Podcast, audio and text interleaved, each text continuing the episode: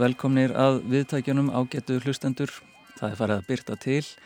Myrkrið hópar um nokkur andartök með degi hverjum. Í þætti dagsins hugum við hins vegar að heilum borgum sem leynast í nóttinni. Óendalegu húsi í annari vitt. En einnig gömgefum við veruna sjálfa. Eða það sem er. Það sem er nefnist skaldsaga eftir danska rithöfundin Peter Asmussen frá árinu 2012 en um þessar myndir er verið að setja hana upp sem innleik í tjarnabíói. Verkið er Berlínar perióta frá nýjunda áratögnum og segir frá lífi Renötu sem verðist lifa nokkuð vennjulegu lífi í austur Berlín en undir yfirborðið hverstagslegs fjölskyldulífs geymir hún lindamál. Melkorka Gunnborg Bræjansdóttir ræðir við þau Marju Ellingsen, leikara verksins og Ólaf Egil Egilson, leikstjóra. Í nýjafstöðunu Jólabókaflóði kom út ljóðabókin Næturborgir eftir skaldið Jakub Stakovjak. Hann kemur frá Pólandi en lærði íslensku fyrir nokkrum árum og stundar nú námi riðlist við Háskóla Íslands. Næturborgir er hans fyrsta ljóðabók á íslensku en hann byrti einni ljóð í reytinu Pólifónia af Erlendum uppbruna sem kom út fyrir jól. Við tökum Jakob tali í þætti dagsins um Næturborgir og skrifin. Skaldsagan Piranesi eftir breska ritthöfundin Susan Clark hlauti haust hinn alþjóðlegu verlaun Kvenna fyrir skaldskap eða ennskunni Women's Prize for Fiction. Bókin segir frá Piranesi sem myndi þó ekki sjálfur kalla sig Piranesi en hann býr nánast einn, þar að segja fyrir utan hinn, í óendarlega stóru húsi sem hefur sitt eigið vistkerfi. Á neðstu hæðinni er haf en þeirri efstu skí og veggina þekja óendarlega margar stittur. Rittöfundurinn Marja Elisabeth Bragadóttir las bókina nú á dögunum, hún kíkir til okkar og segir frá skaldsögunni Piranesi. En við byrjum í nóttinni, við byrjum í borginni.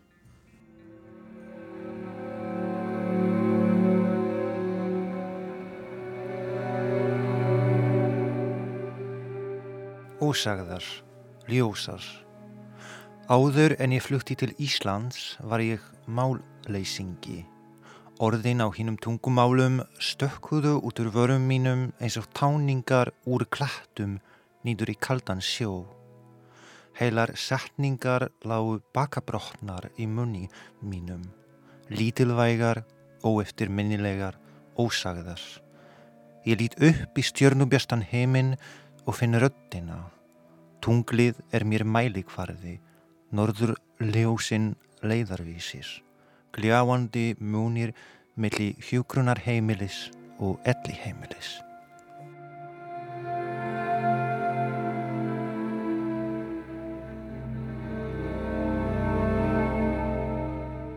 Hjá mér situr skáldið, ritlistaneminn og brefberinn Jakub Stakovjak en hann var að senda frá sér sína fyrstu ljóðabók sem nefnist Næturborgir. Bókin hlauti vor nýrækta styrk frá miðstöðu íslenskra bókmenta en í umsögn nefndar um verkið segir Næturborgir er heilstift ljóðabók sem hverfist um sorg, söknuð, borgina og skáldskap. Þar er á áhrifaríkanhátt sleið saman hverstaslegum myndum og nýstállegu tungutæki. Jakub er líka einn af 15 höfundum sem hega texta í bókinni Polifónia af Erlendum uppröfuna en það er verk sem er samkvæmt formúla eins konar fæðing innfletjanda bókmynda á Íslandi. Jakub Stakovjak, innilega velkomin í Orðan Bækur. Takk fyrir. Og þú lastir á undan fyrir okkur uh, upphafsljóðverksins Ósagðar ljósar sem hefst á þeirri merkingaþrungnu setningu uh, áður en ég flutti til Íslands var ég máleysingi og mætti ég byrja að spyrja þig uh, hvað fælst í þessum orðum? Já, í þessum orðum fælst mestumengnis uppgöðfun mín á því að geta tjáð mig á íslensku með þessum skáldlegum hætti sem, sem, ég, sem ég geri. Ég týndist einhver veginn því á, á lífsleiðinni og, og fann aftur í, í, í íslenskunni. Og hafður verið að skrifa mikið uh, áður en að þessi bók kemur út? Á öðru tungamála jafnvel? Nei, sko, ég var að skrifa á polsku þegar ég var unglingur, táningur. Og ég, ég var að eiskja á polsku bara, þú veist, aðalega ljóð, þetta var í framhaldsskóla og svo gerði þetta að ég vann nokkur ljóðarsamgæppinni og svo hætti ég að skrifa og var ekkert að skrifa eða pæla í skáldskap í mörg ár, öruglega, þú veist, tíu ár eða eitthvað og þá flytti ég hingað og mæti Fríðu Ísberg og fæ uppljómun og byrja að skrifa á íslensku. Mm -hmm. Og hvenar, hvenar uh, fluttir þú til Ísland? Ég flytti til Ísland 2016 og þetta er dálítir skrítið að því að ég flutti til Ísland á fullveldistegi Pólans. Já. já sem er algjörstillviljum. En uh, já, og, og var svona, var íslenskan lengi að koma til þín Þetta var einlega æsku draumurinn að, að, læra, að læra íslensku. Þannig að hún kom til, til mín fyrst þegar ég var kannski, ég veit ekki, 14 ára eða 15 ára. Þá, þá var pappi minn mikið að hlusta á Björsk og Sigur Rós og allt þetta, veist, klassíska og nostalgíska og þá kom íslenskan til mín í, í, í fyrsta sinn, svona landfræðilega og hljóðfræðilega. Og þá þegar ég, ég ákvað loksins að flytja hingað þá var þetta aðalmaskmiðið að læra íslensku. Þetta var svona veist, e, svona aðal motivation. Og mm. það tók mig svona þiska eitt ár að koma frá, frá stík 0 til stík ok, ég fer í hásklanam Já það er, er frekar stuttur tími að byrja hér 2016 eh, að læra tungumálið og, og gefa sér nút ljóðabók 2021 Já. á mjög fallegri íslensku bókin Næturborgir og uh, mér langar að byrja kannski að spyrja stóru spurningarinnar uh, út í þessu bók hvað eru Næturborgir? Næturborgir, þetta er, er orð sem, sem einhvers konar sammeiningantákn þessara E, þeim sem eru í bókinni sem sagt, nótt og, og, og borgis þetta var svona aðalpælingin sko. mm. og þá fannst mér þetta líka mér svona svona kjarnost og bara hendugt orð fyrir, fyrir, fyrir titill En uh, já, ég myndi í þessum kapla tilfinningaborgir að þar kemur þessi líking uh, sem tengir saman í rauninni tilfinningar og borgir. Það er hann að borg sorgar og borg ástar.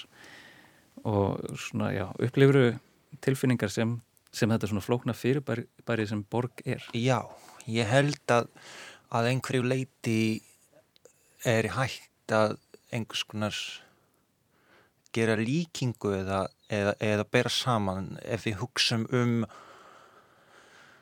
um borgis, hvað eru borgis? Borgis eru í grundvallar atriði völundarhús og manntilfinningar eru enn flokknara fölundarhús sem að þú einhver veginn aðal pælingin í þessu var að finna leið sagt, þú þarfst að finna leið í borginni eins og þú finnur leið í gegnum tilfinningas eða veist, einhver veginn finnur sig í þessum flokknu tilfinningum sem að, sem að fylgja því bara að vera manneskja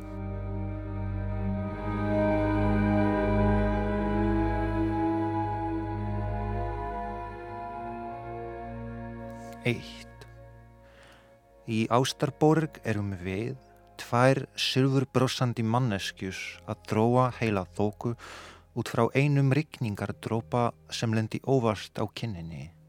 Við vitum ekki af ferlinu, höldumst áfram í hendus og kissumst. Við endurstökum ég elska þig með ratbundum sem eigðast hljóð fyrir hljóð. 2. Í ferð okkar um bæin verður stoppað fjórum sinnum. Í fyrsta sinn kvíslum við tungumáli drauga að ókunnugum ungum manni á óræðum aldri. Ef þú gengur inn í halku sléttan speil eftir miðnætti á Jónsmessunótt, skaltu finna sjálfan þig í salnum úr gleri þar sem tunglið drakk í sig ástarsorg annara og fórst. Í annarsinn stöldrum við í kvítum kiskjuturni, sláum þrísvar í stóra klukku, svo jörðin skjálfi eins og djöfull hafi hleið. Þá heyrum við bergmál ofanfrá og neðanfrá. Í þessari borg skurði kuldrast. Það er eina leiðin að finna hvort annan því ástardröymar ekkar byrja ykkur sín. Í þriðja sinn hugum við á steintorginu undir sperrum himni en þá er nótt. Í miðjum hjastastað hamast vaksandi tunglið. Í síðasta sinn verður ekki stoppað, heldur hægt. Ég greini ekki morgnana fram undan. Þeir bera allir nafn þitt og dögun kemur með ísfrétt á vörum.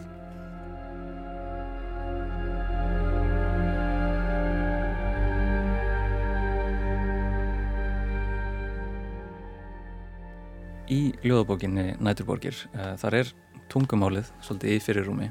Um, það tekur mikið pláss og hún er á íslensku bókin en, en á frek svona ferskri íslensku, ég mætti segja. Um, lesendur bókarinnar rekast á skóar brennandi hjörtu, kattartungl, uh, mánatár, kvelvingar, bergmálsróð og framtíðar saumaða nútíð, svo fá einn orðið sér nefnd. En langar að spyrja, er þetta að eitthvað leiti þín nýjirði eða ertu að kafa Ég vona að þetta séu mín nýyrði. Uh, sem sagt, vandamál með nýyrðum er, er, er það að maður getur skrifað eitthvað, búið til nýtt orð sem að er í rauninni ekki nýtt. Til dæmis þá, uh, þá kemur uh, þetta orð í, í ljóðinu á undan ísfréttir.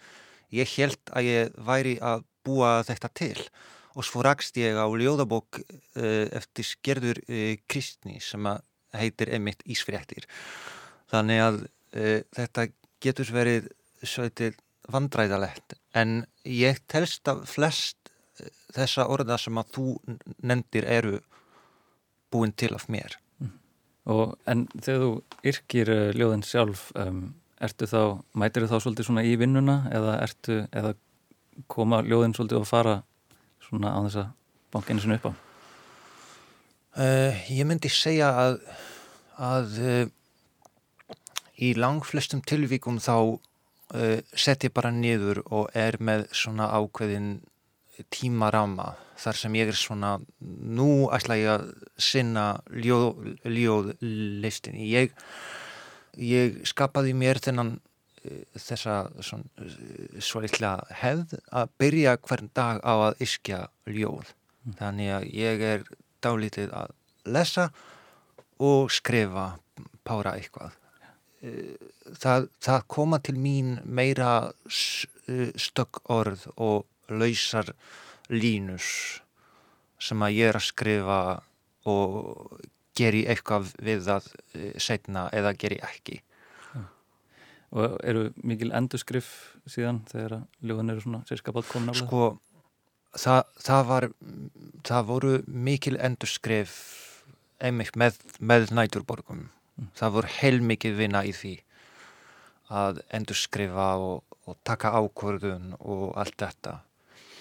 En ég var til dæmis að setja saman ljóðabók afturs í ágúst, þriðja ljóðabók og tók eftir því að það voru næstum því engin endurskrif í þessum skilningi að flest þessa ljóða sem ég setti í, í þetta handrit voru, eh, sem sagt, eru þannig skrifuð að ég, að ég veit nákvæmlega hvað vil ég segja og af hverju.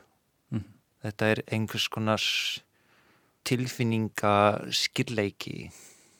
Og e, þriðja handrit segiru, ertu sérstætt komið með e, aðrar Ég, bækur? ég er í- í- komin með tvö, tvö tilbúin handrit og er núna að vinna að tveimur öðrum handritum. Já, hér. Þannig að við meðum búast við já, nokkrum bókum uh, allavega í viðbútt Já, á, ég á, næsta ári. Jafnvel. Ég vona, best.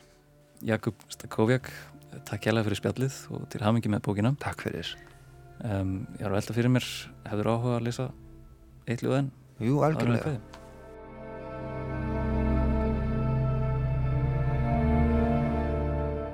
Hugleiðingar um fyrirverandi minn eitt.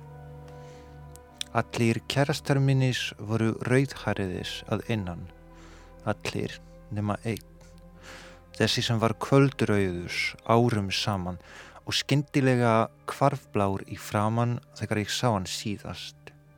Í hvert sinn sem hann játaði ást sína fyrir mér fekk ég opið beinbrót á nákvæmlega sama stað og í barnæsku og enn skjögraði ég til hans.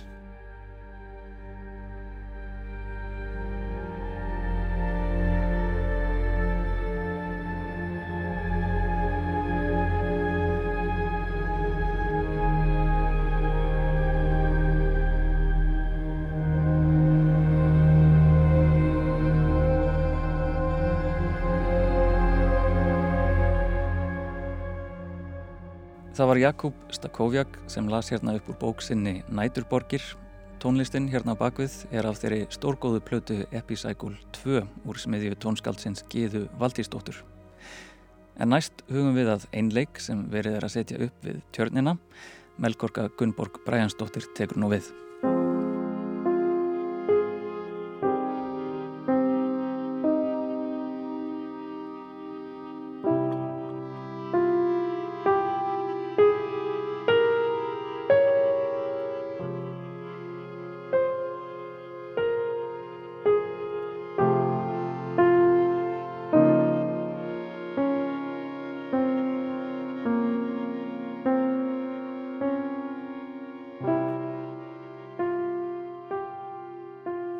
Þessa dagana er verið að setja upp leikverk í Tjarnabíói, einleik eftir danska réttöfundin Peter Asmussen.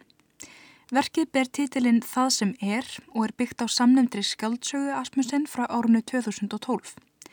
Títill verksins á frummálinu, DDR eða DDR, er nokkuð lýsandi fyrir umfjöllunarefnið því sagan gerist á kaldastrýsárunum á tímum Berlínamúrsins þegar hugmyndafræðilegur ágreiningur austurs og vesturs stóð sem hæst.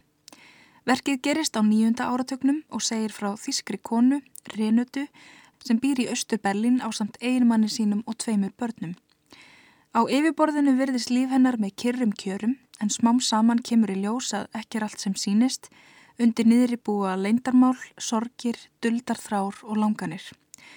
Renata á í leinilögu ástarsambandi við mann sem hún kynntist á ferðalagi til kaupmanafnar, Danan Tom, en leiktekstin í verkinu samanstendur af brefum sem hún sendir honum. Með aðal og eina hlutverkið í síningunni fer Marja Ellingsen en leikstjóri er Ólafur Egilson. Auður Jónsdóttir þýttir leikgerðina yfir á íslensku. Og Marja og Ólafur er einmitt sest hjá mér í hljóðverð. Verðið velkomin. Sæl, takk fyrir. Hvernig kynntustu þessari sögu þetta er? Hver voru svona fyrstu kynnin? Já, ég fekk að leiklesa annað verk eftir Petur Asmussen í leikverkarlest, norrætni leikverkarlest sem var sett hér upp. Og það var verkið Engin hittir einhvern og leikstjóri þessa verks af frumufæslunni, Símón Bóberger var stattur í salnum og hann kom til mín og eftir og sagði vilt ekki setja þetta upp? Og mér finnst að þú er að leika þetta og ég ætla að leikstýra þessu og, hérna, og þetta var eitthvað svo ágengt tilbóð að ég sló til og sett upp þetta verk eftir hann í Norrænahúsinu fyrir fjórum árum síðan. En á sama tíma að þá lagði hann þetta verk, DDR, á borðið og sagði og svo finnst mér að ég er að gera þetta. Þannig að nú er eiginlega komið að því og einhvern veginn eru aðstæðunar núna í heiminum sem við lifum akkurat í núna kringum stæðunum að það á þetta mjög vel við múratnir á millokkar óbærilegar kringumstæður, eitthvað sem er stærri en við og við ráðum ekki við og já, ætti ekki betur við en akkurat núna. Mm -hmm. Getið sagt mér kannski að smera frá þessum höfundi, Petter Asmussen? Í, ja, hann er velunahöfundur búin að vera að skrifa í Danmörku bæði kvikmyndahandrit og leikrit. En hann var sem sé margvelunadur og, og enda ekkert skrítið. Hann á bara frábær verk Breaking the Waves mynd Lars von Trier er, er handrit eftir Petir og Hann hefur til að bera alveg einstaklega eh, mikla mennsku, djúpan skilning á því að vera manneskja og vilja og þrá og langa og, og ekki og allt þar á milli. Þegar Marja kom til mína þá hérna með þetta verk sem hann langaði að sitja upp að þá mm, var ég nú eiginlega svona búin að hugsa, nei, nei, hva, eitthvað dansleikrið um einhverja konu í Östuðískalandi, ég eh, tengi ekki. En svo las ég það og ég var alveg eh, heilaður. Hann er, Já. eða var, alveg frábær höfundur. Og það er bara frábært að fá að, eins og fyrir mig sko, að bara fá uh, flinka leikonu, góðan leikteksta og og svo er einleikur náttúrulega þess eðlis að það er virkilega hægt að einbita sér að því að finn púsa hlutina og, mm og, og vanda sig og við erum að gera okkar besta í því. Eins og þú sagðir, við erum að leika tennis að miklu móð. Ég, þetta er ný reynsla fyrir mig að vera í einleik. Ég hef aldrei ætlað mér að gera einleik alltaf að hugsa á hvað það er leðilegt og einmannalegt. En svo er þetta alveg magnað ferli, maður situr í rauninu upp með sjálfan sig og svo er maður í þessum frábæra díalóg við leikstjóran og höfundurinn mjög nálægur. Mm -hmm. og verkið stöðut einhvern veginn að bjóða upp á nýja tólkunar möguleika. Eins og Marja var að segja jú, það, það, eins og við segjum alltaf í leikúsinu það á alveg einstaklega vel við okkur í dag erindin þessum vegs en það er einhvern veginn er einhverjum ásögum sagt í þessu tilviki því að að þetta er kona sem að býr í, í Östubellin og með öllum þeim höftum sem þar voru til staðar, múrar og, og ófrelsi og, og ekki bara það heldur, heldur býr hún líka við þar aðstæður að það er mikið af svona fölskum upplýsingum mm. í, í gangi. Það er sem sagt þú sérð að heimurinn er svona en þér er sagt að hann sé einhvern veginn öðruvísi og mér finnst þetta líka að vera taldið í svona deiglunni í, í okkar heimi síðustu ár hvað er satt og hvað er rétt og, og það, það er einhvern veginn í þessu verki bæði sko svona pólitíst og líka bara í sko minnsta, minnstu samfélagslegu einingunni sem er hver og ein einstaklingur. Hvernig við erum í senn sönn og líka að, að svíkja okkur. Mm -hmm. hvernig við getum verið meðvituð um sannleikan en, en veljum að, að sjá hann ekki skilja hann ekki Og eins og það segja, þetta er mjög texta miðað verk. Ég meina uppistæðan í textanum eru þessi bref og er það einhverju leiti ólíkt annars konar leikús uppfærslu um að setja upp verk þar sem að textin er svona rosalega í forgrunni? Og kannski að þetta er innleikur einmitt líka? Já, sérstaklega að þetta er bref að þá er hún ekki að tala við sjálfan sig beint, þú veist, hún er að tala við hann, skrifa til hans, við heyrum aldrei hans svör. Og fyrir vikið kannski að leika sér með önnur element eins og ljós og hljóð og... Já, við, eins og Marja segir, sko, við heyrum aldrei, við fáum aldrei svarbrefin en við eh, erum með frábæran, eh, frábært tónskáld með okkur, Ólaður Björn, Ólarsson og tónlistin svarar. Já, má ég að segja það, tónlistin svarar svolítið. Og ég, ég líka sko þetta form með brefin þetta er eintal sálarinnar og þú ert alltaf að tala við sjálfan þig tóðu sért að tala við annað fólk. Á, á ákveðin hátt, sérstaklega kannski þegar fólk sest niður og, og skrifar bref Þú, það er eitthvað bara við það að sjá orðin byrtast á blaðinu að, að frelsa þau út úr haustnum bara eins og þegar fólk fyrir sálfræðings eða eitthvað annað og allt í hennu segir það hlut sem er búin að skopp inn í haustum kannski í marga mánu en þegar þú er búin að segja hann þá hefur hann annað vægi mm. og það er einhvern veginn finnst mér að vinna með það svo vel í þessu verki að þetta verður, hún, hún kafar svo djúft í sjálfa sig í það að vera manneskja að telja sig elska annan mann eða elska ég mannin minn eða þykir mér væntum mann eða, eða er þetta flótti eða er ég að bjarga sjálfur mér verð ég að skrifa þessu manni annars fer ég yfir um og, og tjúlast eða, eða er það það sem að er að brjóta mig og svo ég segi það aftur bara þetta er ansi magnaverk og, mm -hmm. og á erindi við sálina í okkur öllum Og svona kannski nánar að konunni, hver er staða þessarar konu? Hvaða kona er þessi Renata? Þetta er velmentuð, sterk og flott kona, þannig séð nema að hún býr einhvern veginn aðstæðum þar sem að hún er að bera kólinn upp úr kjallarannum og, og, og það er ekki teitt vatn í grönunum. Árið 1987. Já, mm. og þau hjónin er að reyna að halda upp í svona góðri stemning og heimilin fyrir börnin en bara um leið að börnin eru komin í rúmi að það bara svona þyrmir yfir þau og þau sitja bara þann uppi með kalda vatni í grannanum og þú veist, þetta er bara Mm. Heimur það sem allir, allir njósnaðum alla og maður getur einhvern treyst. Já og það verður líka svo svakalegt að veit ekki hver er vinurinn og hver er ekki vinurinn og, og það er eitthvað sem að fólk þarna hefur náttúrulega þurft að eiga við á stóru plan en ég held að hann sé að taka þetta sem dæmisögu um hvernig þetta getur verið bara í okkar einlífi, hvernig við getum mm. að sjálfum okkur, að öðrum. Mm. Byggt múri kringum okkur mm. til þess að verja okkur og hlýfa okkur.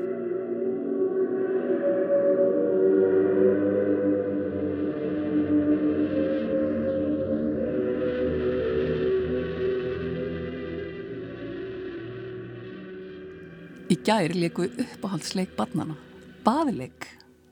Ég fæ lána stórt gammaltast baðkar hjá Silvíu, bestu vinkonu minni. Bönnin elska þetta.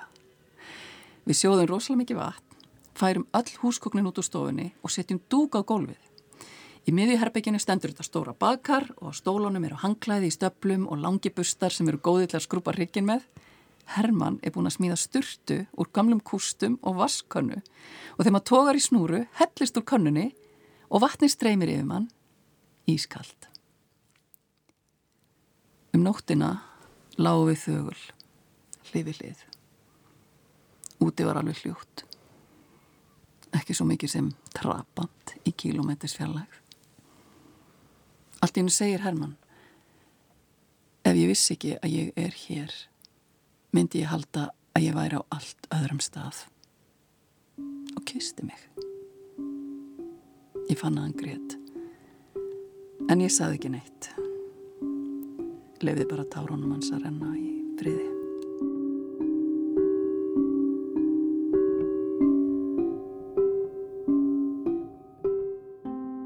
Ég held að þessi kona sé fyrst og fremst sko, manneskja með lífsvilja í heimi sem er ekki fullkomin langt í frá, sem ég held að sé einhvern veginn mm. grunn kringum stæða okkar allra. Ég menna við, við viljum vera til og, og gera okkar besta og, við, og leita upp í haminguna og, og frelsið en hvað gerum við til að bera okkur eftir því? Í heimi þar sem að er stöðut verið að ljúa þeir eftir þá kannski í fullum rétti að svíkja og ljúa sjálfur? Og ljúa sjálfur og ljúa sjálfur mm -hmm hvenar er ég að ljúa sjálfur mér og hvenar ekki og, og þarf ég að gera það kannski til að lifa af? Þú veist, ímyndunar er mjög, mjög nöðsynlegt til þess að maður lifi af. Þú þarfst að geta ímyndaður að hlutinni verði betri einhver daginn. Það er vonin, sko. Já. Mm. Ég man þegar ég heyriði um Petter og fór að spekulera í, hann er mjög knappur og hvort hann væri, sæi hlutina ofskýrt, hvort það væri bara flúaljósin á, þú veist, og hvort að maður væri einhvern veginn að fíla það En svo þegar maður kynist honum betur að þá finnum maður hann hefur rosalegt hjarta og rosalegt tengsl eins og Óli saði við það að vera manneskja. En hann hefur líka svakalega kjark til að fara nær og nær tauginni. Og þeir hafa sagt um hann í raumörtnemdini að hann er eins og skurlækni sem fer með nývin alveg upp að tauginni og og stundum er það náttúrulega kannski þannig að maður bara er ekki kannski óþarf að fara svona með okkur svona nálagtir þetta er orðið svolítið óþægilegt. Mm. en einhvern veginn fallegt að fara svona nálagt sannleikanum. Skræl okkur. Já, Já það eru greinlega mjög margir fletir á þessari sögu og yfirborsaðan er þessi. Þetta er kona í Östuð Þískalandi sem á í leinulegum breyfarskriftum við Elskoða í Danmörku og þrátt fyrir þessi innleikur að þá breyðu fyrir alls konar personum, það eru nágrannar og vinir reynötu, fjölskyldanar og tengdafjölskylda. Þannig að saga hann svona tegið sér hans í víða og innheldur marga þræði og nær líka við þryggjára tímabill, fylgjumst með reynötu alveg uh, þanga til og eftir að múrin fellur. Mm. en mér langar svolítið að spyrja ykkur hvað ykkur finnst þessi titill vísa í, það sem er? Já, þann vísar kannski í þennan heim, þennan ófullkomna heim sem við búum öll í það sem er, veist, þetta er svona. Og svo vísar hann af vissuleiti líka í það að við eigum hvert og eitt að því er við best vitum bara eitt líf. Og þegar að tíminn líður þá mynda þær ákvarðanir sem þú tekur í tilverunni ákveðið ferðalag. Og því verður ekki breytt. Það er það sem er. Þú situr svolítið upp með það sem er. Mm. og hvernig ertu innréttaður til að takast á við það? Getur þú umfaðmað sjálfanni og ákvarðanirnar og, og sagt ég, ég gerði mitt besta og mm, það er ekki hægt að gera betur um vel, þá fyrir verið nýla og, og elsku þú, þetta er allt í lagi. Eða er beskja og biturð og er eitthvað sem getur ekki sætti við að hafi farið á þennan átt eftir sjá, eftir sjá. Ó, það er rúglega að versta eftir sjá, sjá eftir öllu.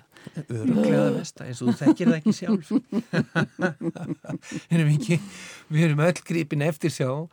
Stundum held ég að við ímyndum okkur að, að við lifum í einhvers konar svona búblu eða einhverju hvergi verund. Við erum hvorki hér nýja þar. Við, við tökum ekki ákvörðum, við tökum ekki af skarið, við tökum ekki afstöðu, við segjum ekki já og við segjum ekki nei. Við segjum kannski bara í einn dag viðbót mm -hmm. og svo kannski bara í einn dag viðbót og svo nei á morgun kannski. Veist, það, þá endar það einhvern veginn klófinn þá endar þau hvorki hér nýja þar mm -hmm, og það verður raunveruleikin og það verður raunveruleikin að þú mm -hmm. ert ekki þetta er kannski vera, ég minnst verkið vera hvetið okkur til þess að verdu Takktu afstöðu. Já, og, en svo er það svo fallet skáld að á því eru 1003 eh, gráir tónar sko, þetta er ekki svart og hvít það er þessi skali á milli. Og það er erfitt og það er sárt að vera manneskja og þurfa að vera og taka af skarið og segja já,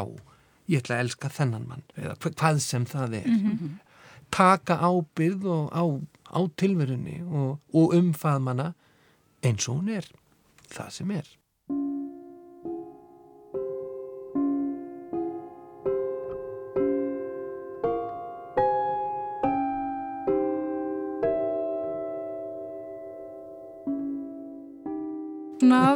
Að lokum að þá er frumsýning sunnudaginn 16. januar Og hvernig verður það núna þegar það eru múrar á millakar allra í samfélaginu og með nú gildandi takmörkunum? Við erum alltaf bara svo heppin að við erum með lítið umfang sem þýðir að við getum sínt fyrir fáa og haft mikið bíl á millið þeirra mm -hmm. og allir hraðprófaðir. Mm -hmm. Þannig að þetta verður svona vin í eðmörkinni, hérna mm -hmm. svona menningarlega séð að geta komin í tjarnabíu og sest inn í myrkrið og hugsað um það sem er vinn í eðmörkinni. Mm. Marja Ellingsen og Ólafur Egilson, takk hjálpa fyrir komuna í orðum bækur. Takk fyrir.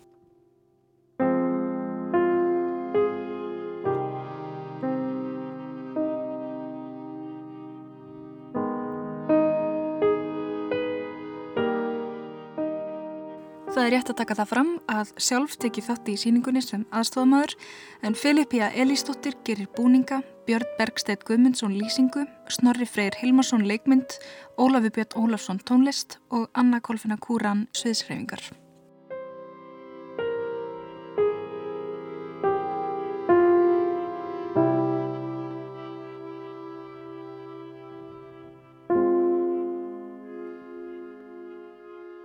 Það var Melkorka Gunnborg Brænsdóttir sem rætti hér við Marju Ellingsen og Ólaf Egil Egilson um innleikin Það sem er eftir Petur Asmussen.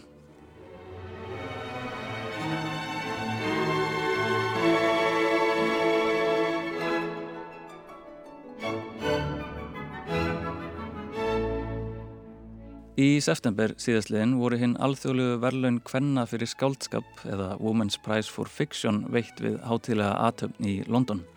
Velunin hlauta þessu sinni breski rittöfundurinn Susan Clark fyrir skáldsöguna Piranesi.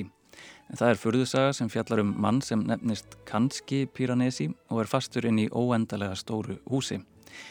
Í þakkaræðu sinni sagði Susan Clark að bókin hefði verið skrifið á tímum mikill að veikinda en hún greindist með síþreitu rétt áður en skrifin hófust.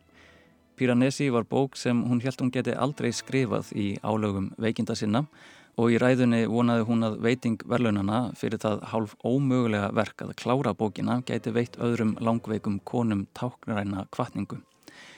Skaldsagan Piranesi segir frá manni sem gengur undir nokkrum nöfnum þó oftast undir nafninu Piranesi sem fastur er inn í húsi sem hefur endalust mörg herbergi, haf á neðstuhæð, skí á efstuhæð Með fram veggjum allra herbergja eru stittur og í litlum tjörnum sem þar hafa myndast synda fiskar og í loftinu flögra fugglar. Húsið er heilt vistkerfi og innan veggja þess lærir Piranesi að lefa af.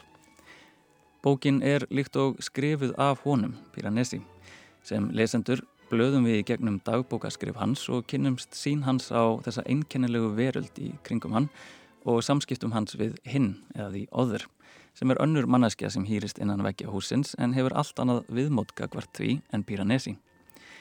Piranesi segist vera barn húsins.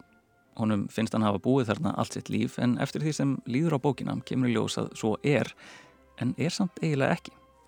Piranesi og hinn koma báðir úr heiminum sem við þekkjum, raunveruleikanum, en húsið hefur einhvers konar glimsku áhrif á hvert þann sem dvelur þar inni of lengi og vegna þeirra hefur Piranesi glimt sínu upprunalega nafni.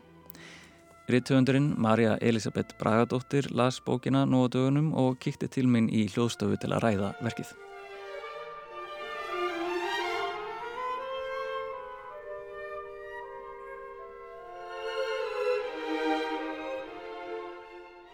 Marja Elisabeth Bragadóttir, rittöfundur, velkomin í þáttinn. Takk fyrir. Og þú varst að lesa þessa mögnuðu bók Piranesi nú á dögunum. Var þetta jólabókin kannski? Nei, en þetta hefði sko svo sannlega verið mjög góð jólabók, en þetta er svona frekar bara svona læðarbókin sko. Ég bara hérna keift hana á sunnudaginn og ég held ég að við lesa hana bara á einum sólarring. Já, hérna. Já, og hérna og ég var rosalega glöð að fá bóð til þín, en hérna þessi bók, hún einhvern veginn sko náði algjörlega innað hjartarótum hjá mér og, og ég var nú búin að segja það en sko á, á minni fullorðansæfi þó hún sé ekkit mjög löng þá hef ég ekki lesið neina bók sem líkist þessari en hins vegar þá var þetta mjög sérstæð lestrarinsla menn að þess að hún var svona pínu eins og þetta var svona pínu eins og finna einhvern svona og ég veit ég er að vera mjög háfleik en, en þetta var svona pínu eins og finna einhvern lekil af einhverju svona einhverju skríni innra með mér sem ég vissi ekki að hefði verið læst í mörg ár. Já, hérna. Já, þetta er rosalega átilegt en ég held að hæfi, hérna, ég held að hæfi þessari bók um, og það er vegna þess að ég las svo mikið af C.S. Lewis þegar ég var lítil og það eru bækurnar hann á Frendið Töframannsins og, og Ljónin, Ornin og Skápurinn og þessar bækur sem ég held að flestir þekki og hún er greinilega undir miklum áhrifum. Mm svo svona Clark og hefur sagt það og svona. Já, það eru eiginlega bara nánast beinar vísanir í þessari bók. Algjörlega, og bara strax í fyrsta kaplanum. Og þetta er nú, og hún beitir náttúrulega mjög svipari aðferð, eh, það er þetta magnaða hús mm. sem að verum inn í, en við kannski fáum ekki að fylgja aðalpersoninni sem að nefnist Piranesi, en ég veit ekki hvort hann myndi eh, taka það nafn sjálfur, mm. en við fáum ekki að fylgja honum inn í húsið, við bara byrjum inn í þessu húsið þar sem að hlutir hafa gæst og þurfum að mm -hmm. fikra okkur með honum í gegnum þessa -hmm. ráðgátu Já. en uh, þetta hús fer að verða mjög svona þrungið fyrirbæri að fá útskynningu á í gegnum bókina og, og, og hvort maður fái það er kannski vafamál en svona hva, hvernig fórst þú að upplifa þetta hús? Það tekur svolítið tíma að komast inn í þessu bóka því að hún er með svo dölarfull og maður skilur ekkert almennilega hvað er í gangi en maður skilur allt í einu að hann er ekki í okkar heimi eða þú veist það er, kemur freka fljótt í ljós hann er í einhverjum öðrum heimi og þessi heimur er bara þetta hús sem að er, er það ekki á þremur hæðum eða hvað? Jú, minna það, já. Þremur hæðum og það er efsta hæðin, þar sér, sérst heiminin og neðst er sjórin sem flýtur aðna inn og svo er þetta hús náttúrulega fullt af stittum sem er einmitt mjög svona narnýst og hann er, hann Piranesi sem hann vill ekki heita, heitir ekki Piranesi, hann er eina manneskjan og fyrir utan einn annan mann, einn annan dularfullan mann sem heitir hinn, hm. eða the other. Já, en fyrir honum er hann reyndar ekki kannski alveg eina manneskjana því að hann Nei, hlúir að, var ekki 14 eða 15 önnur lík Bein, Já, beina, í, beinagrindur. Beinagrindur Þetta er beinagrindur. Mm -hmm. Já, einmitt og það sko já, hann er ótrúlega sko yndislega og áleitin hérna sögupersona Piranesi því að hann er einhvern veginn í þessari sjálfsleit og skilningur hans á veruleikanum er einhvern veginn svo ótrúlega svona, hann rennur saman við húsið. Það eru svona óljós mörg milli hans og heimsinn sem hann býr í.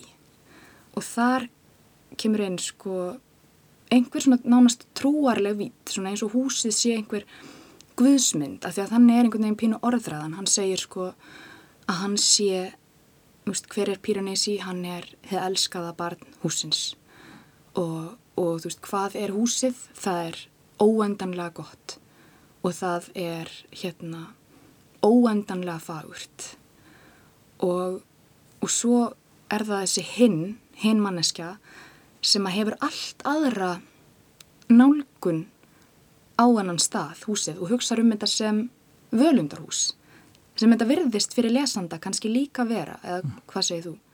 Já, algjörlega því að það virðist líka tegja sig sko í óendalega áttir mm -hmm. að hann er búin að reyna kortleikja hann uh, Piranesi en það bara tegist og hann hefur farið, ég man ekki alveg tölunar en þær voru ískiklega háar. Við farum mjög langt í eina áttina og síðan hinn áttina og, og það stoppar bara ekki þetta hús. Og svo eru þeir báðir, þessir tveir einu lifandi menn heimsins þeir eru báðir náttúrulega vísindamenn. Mm -hmm. og þeir eru báðir með það sko persónulega verkefni að, að rannsaka húsið en á samt ólíkum forsendum einhvern veginn. Mm. því að hérna Piranesi er að nálgast að meira sem eitthvað undur og eitthvað, hann, hann lærir meir um húsið, hann er svona af svona einskæri forvitni og, og þú veist og virðingu og elskar þetta hús svo mikið. En hinn er með eitthvað allt annað allt aðra forsendur Já, það er, eitthvað svona gróða forsenda þannig að hann öðlast eitthvað afl sem hann heldur að sé til staðar inn í húsinu? Ymmiðt, en leindardómsfulla þekking kallaði það. Já, sem séðan kannski Píranesi verist vera í komin í snertingu við en Já, til þess þarf maður að fórna ákveðnum hluta af, af sjálfum sér, mætti segja. Og svo er hún alltaf mjög, sko þeirra hlutskipti er alltaf mjög ólíkt af því að Píranesi er hann er sko lifir frumstætt uh, hann á ekki skó eða þeir eru, þú veist, er ofslitnir hann er bara í einhverjum lörfum og hann skreitir hárið sitt með fiskabeinum frá fiskunum sem hann veiðir. Og svo er hinn sem er alltaf uh, fyrir til fara í nýjum og fínum fötum og velbúin með eitthvað dölafullt lítið glansandi tæki með sér sem að svona lesanda grunnar sér sími, þú veist. Og, og hann svona er upp á þennan mann komin þennan hinn, þennan naflösa hinn Piranesi. Piranesi fær frá um skó og svepppoka og skálar. Þetta er, þetta er mjög sérstatt samband sem er þeirra á milli. Já. og svo hérna er mjög freistandi þegar maður er að tala um þessa bók af því að hún er svo margræð og heimsbyggileg og líka meiri sé að jæfnvel pólitísk að tala um söguþráðin en það eiginlega má ekki Nei. af því að þessi bók er svo spennandi og maður vill ekki spilla fyrir lesendunum Einmitt, það, þetta er, er spennursaga og svona maður má eiginlega ekki fara inn í bara fyrstu ráðgáttu án þess að mann finnist, sem er bara hana nánast í byrjuna, án þess að mann finnst maður vera eðilegja þegar maður vill að uh, fólk -hmm. takin upp og, og, og, og fá að fara í genuna sjálf sko, mm -hmm. en ef við reynum kannski að fara þá frekar thematist í, í, í kringum söguþráðina þá þá er samt uh, ein hugmynd sem að, þurfum kannski að setja fram með þetta, svona reyna hvað þetta hús er mm -hmm. það kemur þarna karakter bara í einum litlum kapla sem að þykist nú vita hvað húsið er mm -hmm. og en það hann kallast spámaðurinn og hann segir að þetta hús sé heimur árkvíslar mm -hmm. sem að um, kannski ekki gagsett hugtak en hann útskriða þannig að þetta sé eins konar frárenslis heimur sem verður til út frá okkar heimi, raunveruleikanum um, og þetta er þá frárensli hugmynda sem skapar þennan heim sem er síðan raunverulegur fyrir Piranesi. Þannig að hann er fastur inn í einhverjum heimi hugmyndana, einhverju undanrennu hugmynda mm -hmm. okkar mm -hmm. sem hafa runnið frá okkur og, og þá fer maður náttúrulega leiða hugan að því bara hvað og hvað er hann að sjá, hvaða hugmyndir hafa runnið frá okkur og þannig er vistkerfi og þannig er náttúra og mm. hann lærir á svona hvernig það virkar uh, ástíðirnar og árin mm. sem hann nefnir sjálfur mm. og síðan eru líka þannig eins og þú segir að þetta er svolítið svona trúar, er mörg trúarleg tákn og, og ég fór alltaf mikið að velta fyrir mér hvort þetta að sé þá heimurinn sem við erum að missa tengslinn við því að hann lærir að lifa í þessum heimi en gleymir einhvern veginn sjálfum sér aðeins um, um leið á meðan að hinn uh, verðist bara ekki passa inn og hann þóru allavega millir herbyggi mm -hmm. uh, í þessari bók Einmi. þannig að svona, já, svona hvar, hvar varst þú einhvern veginn inn í þessu húsi hva... Já, mér finnst þetta mjög flott tólkun og einmitt sko það er náttúrulega valda ójabægi á millið þeirra en Piranesi segir samt sko hann, hann segir ég skil ekki af hverju hinn á alla þessa hluti sem að ég á ekki en, en kannski hérna útvegar húsið honum þessa hluti vegna þess að annars myndi hann bara deyja. Þannig að húsið er að passa upp á hann og því að hann náttúrulega hefur ekkert verið að kortleggja öldunar eins og ég og hérna og ég veit alltaf hvernig kemur flóð og, og ég kann að bjarga mér og veiða mér til matar sem að hinn getur ekki sem er ótrúlega sko fallegt og segir mikið líka um Píranísín en, en líka sko ég var svolítið að hugsa um hérna þessar stittur og hvernig hann nálgast hann að Píranísi, hvernig hann hugsar um allt umhverfið sitt.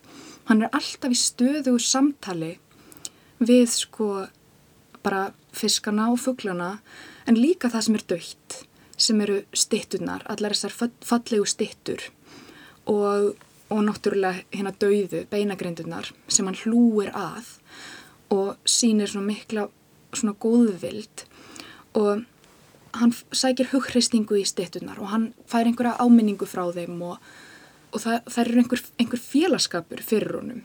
Það er einhverja svona, verða til einhverjar óravítir þarna líka sem er náttúrulega pínu eins og kannski bækur, þetta er svona mörg skáldskapar og veruleika, þannig að hvor einhvern veginn lifir í meiri veruleika.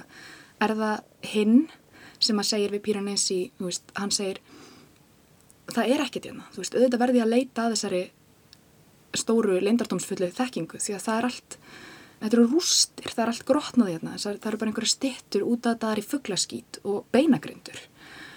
Og Piranesi segir að þetta sé svo mikil miskilningur að vera að hugsa um húsið sem einhvern means to an end þegar það hefur svo stórkoslegt gildi í sjálfu sér mm. og hann finnst svo sorglegt að, að hinn get ekki borið meiri virðingu fyrir því sem er í kringum hann, ja. allir fegurðinni. Mm -hmm.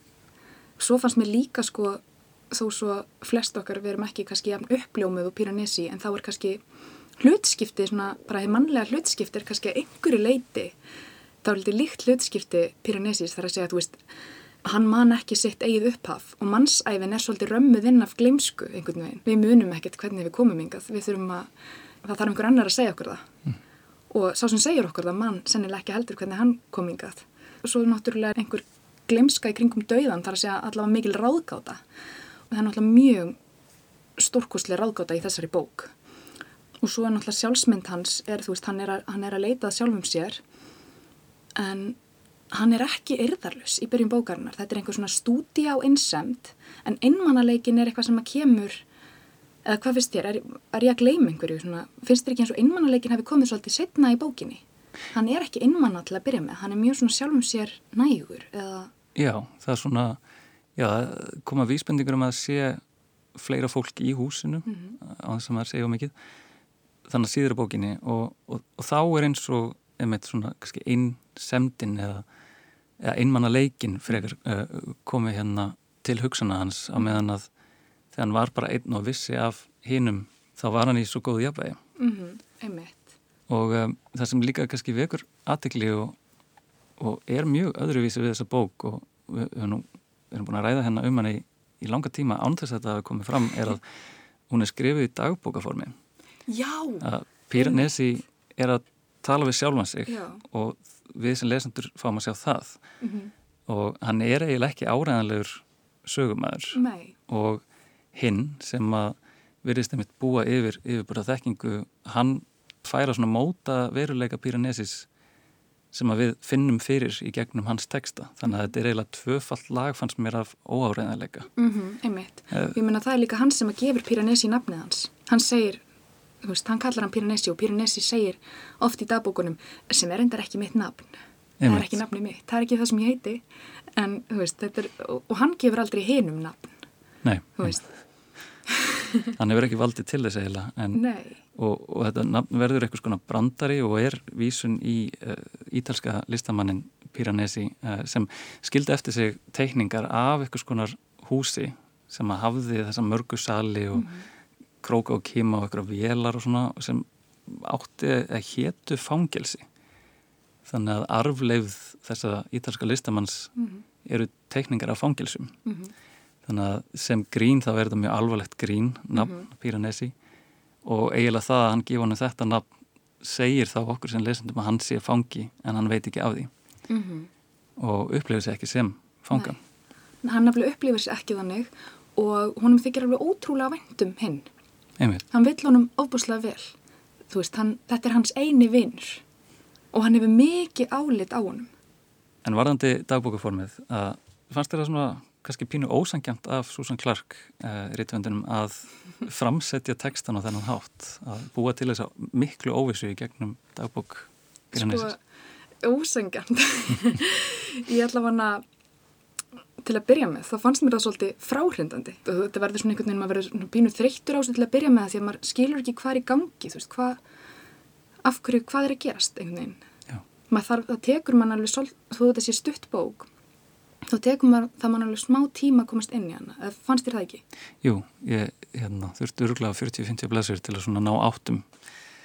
En þessi bók hlaut uh, velunin Women's Prize uh, for Fiction á síðasta ári og hún þótti svona eiga mjög ríkt erindi inn í nútíman og uh, ertu, ertu svona sammálað því eða finnst þér þessi bók verið að tala við nútíman eða er þetta? Fannst reyndar dálítið gaman líka að lesa þessa bók og finna frekar svona hún er náttúrulega mjög heimsbyggileg og alls konar svona pólitískar vangaveltur og eins og við erum búin að tala um trúarlega og allt það en mér fannst líka mjög ferst að lesa einhverja bók þar sem ég fann ekki fyrir einhverjum ábúsla sterkum hún hefur ekki sterkan nútímanlegan relevans líka það er ekki verið að gera upp, þú veist social media, það er ekki verið að gera upp samfélagsmiðla. Mm -hmm. og mér fannst, eða eitthvað svona, veist, mér fannst það svolítið skemmtilegt líka. En mér fannst pínu gaman að lesa einhverja bók sem að mér fannst ekki endilega vera með sterkan relevans veistu hvað ég meina? Ég veit alveg hvað hún menar, uh, en á sama tíma er eiginlega hægt að segja öfugt, að hún hefur svo, það er hægt að máta hana við svo margt Já, og tólka svo margt. Já, ekki, hún er svo heimsbyggileg þetta, þetta er eiginlega það sem þessi bók er. Hún er ótrúlega heimsbyggileg Já, hún eiginlega tekur skrefið nógu langt tilbaka til þess að segja að þetta horfa yfir einhvern veginn spektrumið. Nákvæmlega. og taka ykkur að leksju úr henni þannig. Hún er alveg bara svona, hún er einhvern veginn gæti að verið skrifið 1920, þú veist. en uh, ég held að við látum það gott heita sinni. Marja Elisabeth, takk hérlega fyrir spjallið. Takk hérlega fyrir mig.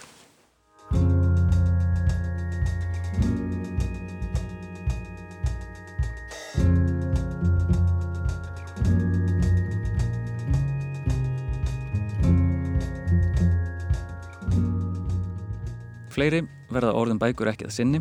Við minnum á að þættina er hægt að hlusta á á vefsíðu RÚF, í spilaranum, í appinu og í öllum helstu hlaðvarp sveitum. Við verðum hér aftur að veiku liðinni. Takk fyrir að hlusta og verðið sæl.